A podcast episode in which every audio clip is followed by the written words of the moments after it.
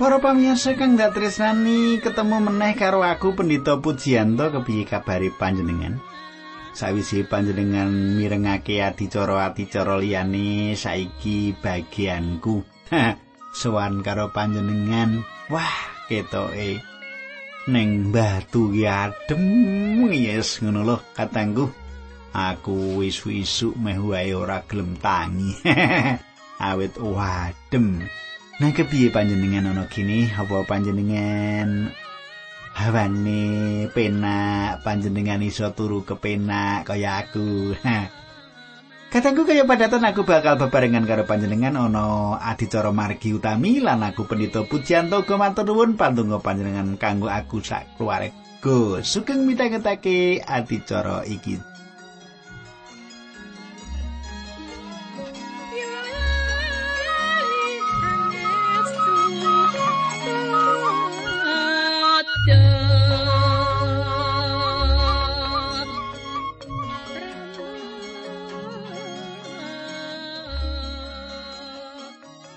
Katengku ana patemon kita kepungkur, kita wis sinau, wis nyemak, wis ngekilut saben ana rasa ora marang panjangkunge Gusti Allah terus merengut grundel ngundamono Gusti Allah mesti bakal ndawahake duka marang wong Israel, ndawahake bebendu kanggo wong Israel.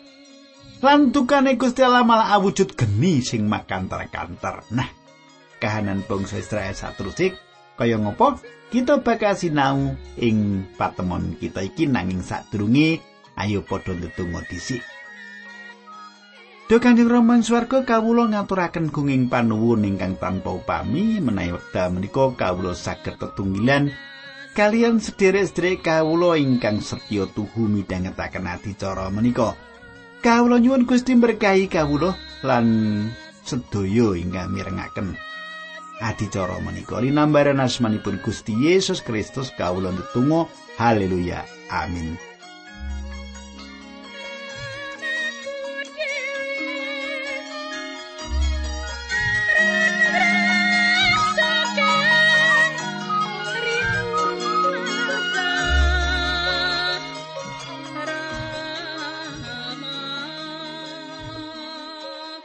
Panyemak kita ing adicara dina iki kawiwitan saka pasal 11 ayat 5 lan 6. Panjenengan isih kelingan?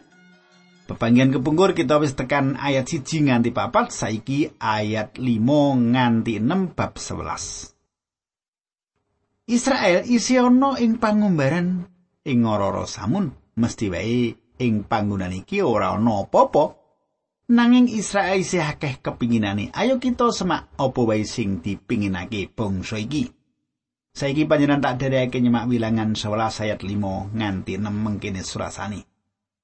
Ana ing Mesir kita bisa mangan iwak sak tutuki tanpa ngetokake dhuwit. Bisa mangan timun, semangka, prei, brambang lan bawang.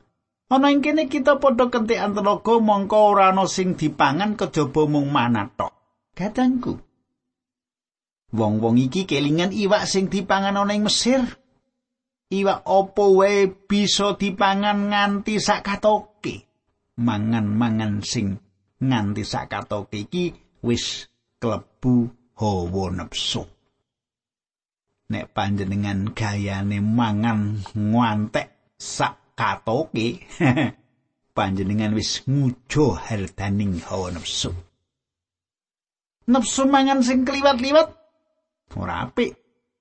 Nah watek ngene iki. Ya watak wantu sing kaya mengkono sing mangan kliwat-liwat kuwi nulari bangsa bangsa Israel. Ora suwi banjur padha ngumpul-ngumpul padha demo. Jaman saiki ya demo. No grundeli para pemimpin lan grundeli Gusti Allah.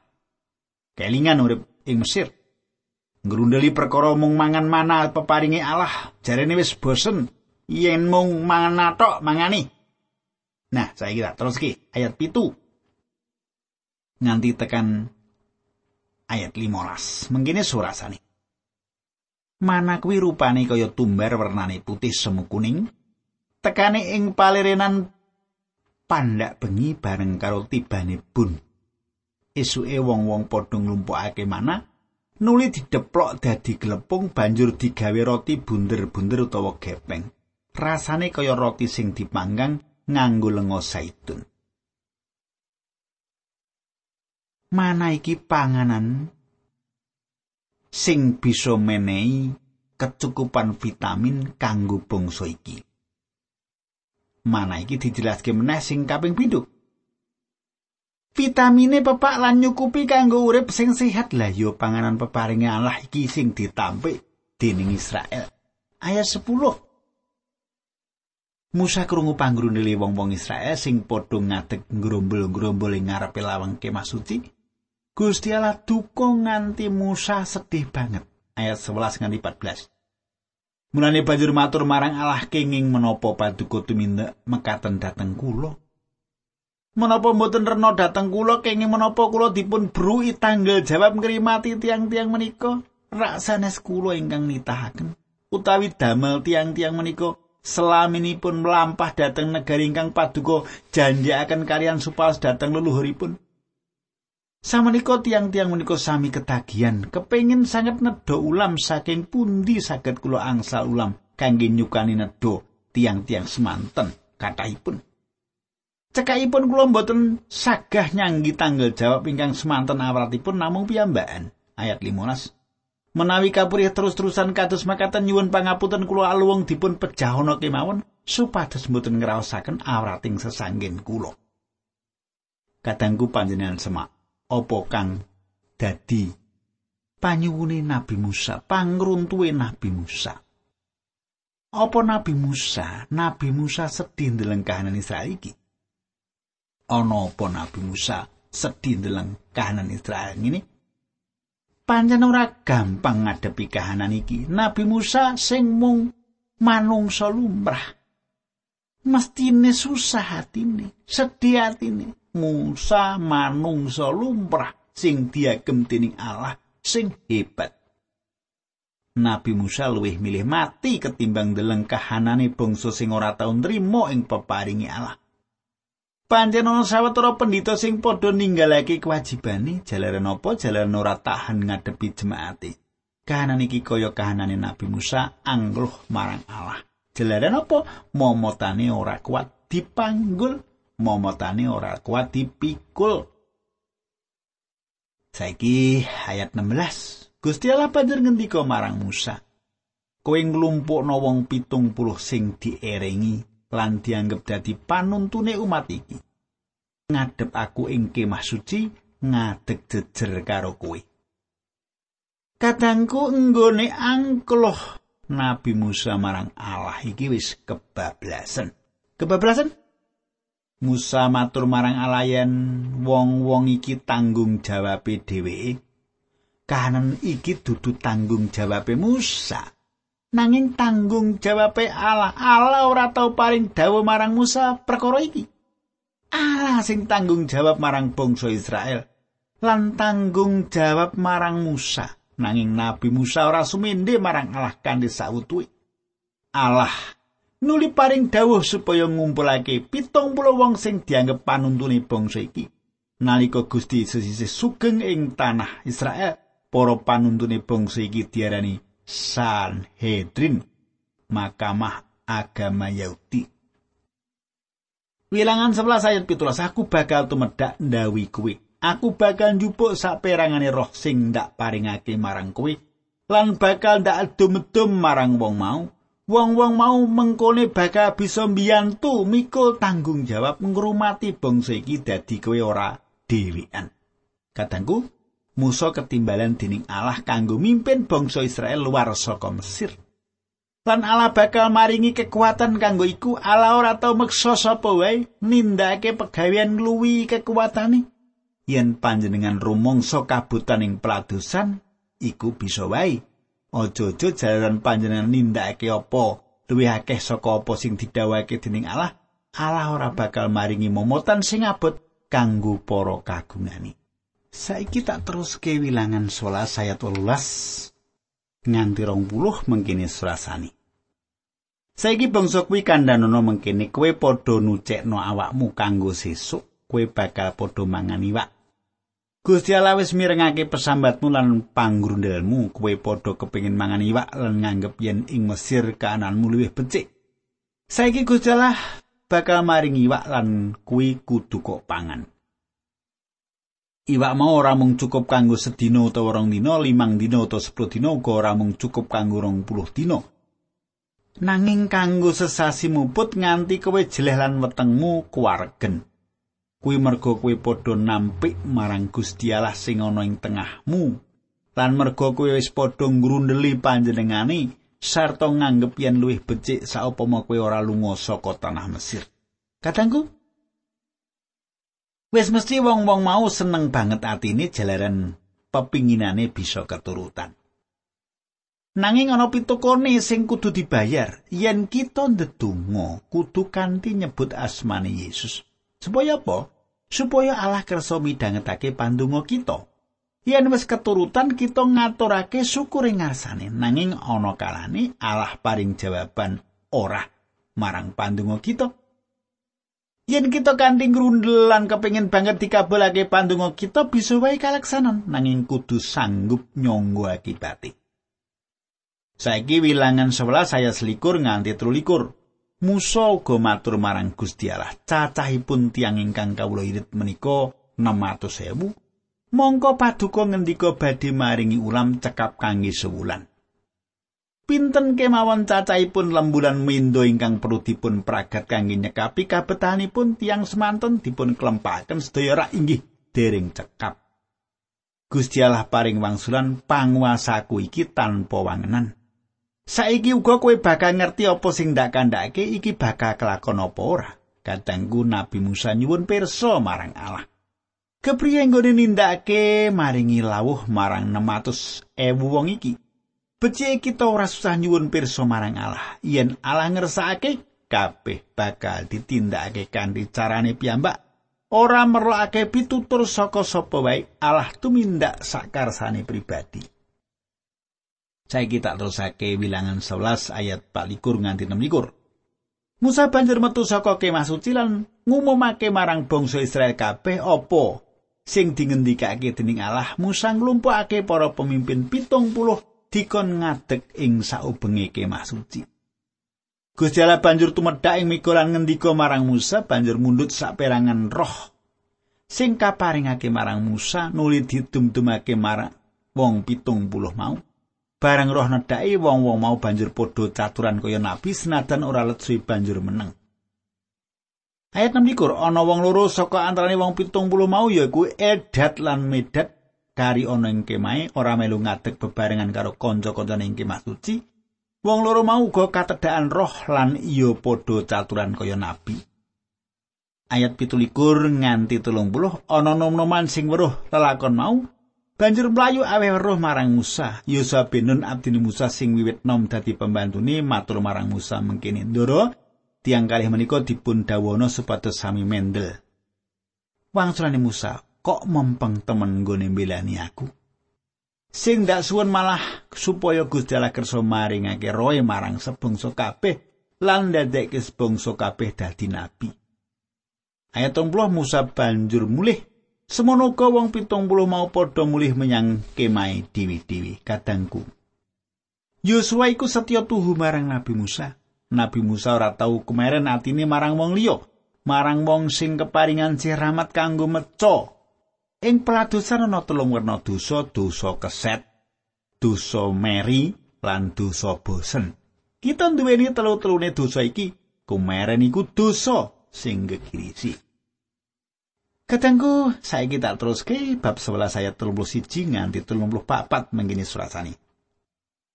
Gusti Allah nekake angin saka segara, angin mau nggawa manuk gemak pirang-pirang sing padha mabur cendhek banget.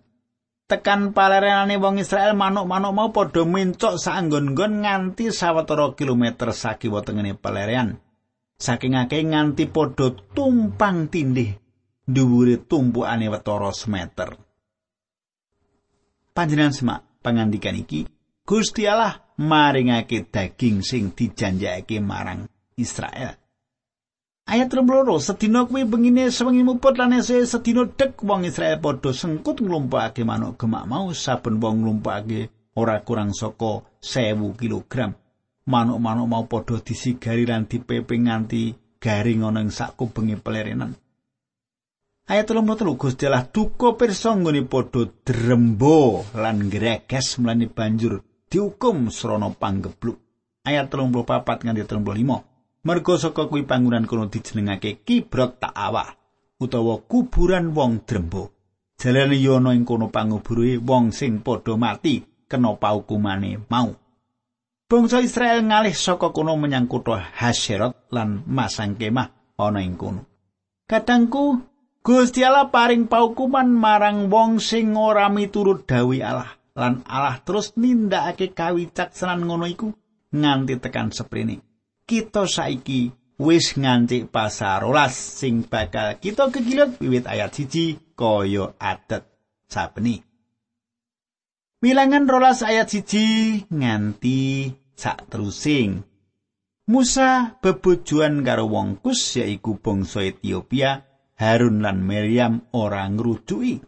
Katengku, Nabi Musa arep ngrabi wong Kusi, anak imam ing Midian, bab Sipora wis ora ketrita meneh. Wiwit diterake dening Yitro bapakne nusul Musa ing Gunung Sinai kaya sing ditulis pangentasan 18 ayat 2 Dadi wong wadon Midian iki bojone Musa sing kapindho Miriam ora nyetujoni sing ateges ora kabeh kawicaksanane Nabi Musa bisa ditampa. Ayat loro nganti papat. Tembungi, apa gunane Allah mengendika lantaran Musa wae? Apa ya ora lantaran kita uga Gusti Allah midanget apa sing padha diucapake wong loro mau. Musa kuwi wong sing lembah ingati ngungkuli wong sak jagat kabeh. Sananika Gusti Allah ngendika marang Musa, Harun lan Miriam padha lunga ngadep aku ana ing kemah suci. Wong telu mau banjur sowan. Kadangku sajake ana perkara keluarga ing kene, kita terusake ing pasar 12 ayat 6 tekan 9. Pangandikane Allah, rungok rungokno tembungku aku ngendiko marang para nabi sing ana ing antaramu nganggo sasmita rupa gambar wewayangan lan aku ngendiko sadroning impen. Nanging ora kaya mengkono caraku ngendika marang Musa sing ndak paringi ayah nuntun umatku Israel. Aku ngendiko adu arep karo Musa, cetolan ora wujud Bedean malah Musa wis ndeleng rupaku. Ya gene kowe wani-wani maidu. Gusti Allah duka marang wong loro mau nalika panjenengane mengker. Kadangku nggone Allah jampangi Nabi Musa. Nganti Nabi Musa beda karo nabi-nabi liyane. Allah tangsa paring dawuh langsung marang Nabi Musa. Nanging nabi-nabi liyane ora. Bapa Abraham lan Yusuf Allah ngendika kanthi impen. Nanging marang Nabi Musa Allah aben ajeng pribadi karo Musa. Saiki wilangan rola saya 10. Lan tugu mega mau munggah saka kemah suci kono. Miriam dumadakan kecandak loro kusta, kulite dadi putih kaya kapuk nalika Harun mengo ndelengake. Miriam lan weruh yen Miriam nandang loro kusta. Kadangku Miriam kena lara lepra. Lara kusta. Iki hukuman sing abot tumrap dheweke. Nabi Musa ndongaake Miriam marang Allah. Iki bisa kita semak. Musa pancen priagung sing berbudi. Murah hati. Senajan Allah wis maringi waras marang Miriam, Miriam kudu dipinggirake saka kumpulane bangsa Israel. Bilangan roh ayat 15 Miriam banjur diwetokake saka paleran pitung dina lan sajroning Miriam durung bali bangsa Israel ora lunga saka panggonan kono. Ayat 16 Sawise budal saka Hasirat banjur padha masang kemah ana ing ororo samun paran. Kadangku kene ya Imam Harun ora kena kusta. Jelaran apa? Jelaran Harun iku Imam Agungi Allah. Yen Imam Harun kena lara kusta dhewekne ora bisa ngladosi Allah. Dadi nalika iku ala ora ndawahake paukuman jalaran ana perkara ing tengahing keluarga. Hukuman saka Allah iku jalaran sipate kumerene Imam Harun lan Miriam. Ing kene Miriam sing miwiti dosa mau. Jeneng Miriam diceritakake luwih dhisik. Miriam wis ngucapake tembung kasar marang Imam Harun. Panjen Imam Harun ora duweni sifat kepemimpinan. Ringke atine lan gampang kena pengaruh. Mula Allah nibake paukuman marang Miriam. kadangku penting kanggo kita. Iki dadi pemut kanggo kita aku lan panjenengan aja nganti tutuk kita iki ndadekke jalaran wong liya tiba dosa kaya sing ditindakake Miriam ya menehi pengaruh-pengaruh sing ora becik sing tundane ngrusak marang pesamungan ngati-ati menawa dumadi kang kaya mengkono Gusti Allah ora ngukum sing panjenengan aja-ajai sing panjenengan tuturi nanging Gusti Allah nibake bebendu kanggo panjenengan. Mula nek ning gereja wis to, sawaning Gusti Allah nggawa katentreman lan karahayan, ora sanggawa sing barang-barang marakake panas. nek panjenengan murid Gusti Yesus mesti ngerti perkara iki coba to bangsa Israel iki. Diplithuk karo wong-wong ya. Terus dadine drembane kumat. Banjur nalika Nabi Musa arep rabi wah Maryam banjur ngoco wah ora ngono apa mung Gusti Allah paring pangandikan marang Musa wae? Gusti Allah uga paring pangandikan marang wong liyane uga. Nah Musono malah dadi gawi Nah kadangku tak suwun panjenengan apa sing tak aturake iki dadi pemut kanggo panjenengan supaya panjenengan ngati-ati ngecake tembung-tembung. Luwe-luwe nek tembung-tembung kita wis duwe tujuan kanggo ngrusak wong liya ngrusak pesamuan. Nukulake watek drembo kang ndadekake dukane Gusti Allah. Nah kadangku tak cukupi semene dhisik kita ndedonga. Ayo kita ndedonga. Duh Kanjeng Rama ing swarga kawula ngaturaken gunging panuwun menawi wekdal menika Gusti Allah sampun meratelaken kanthi cetha wila-wila menapa ingkang ketah kawula tindakaken minangka jejere umat patuko. Dinambaran asmanipun Gusti Yesus Kristus kawula tunggu haleluya. Amin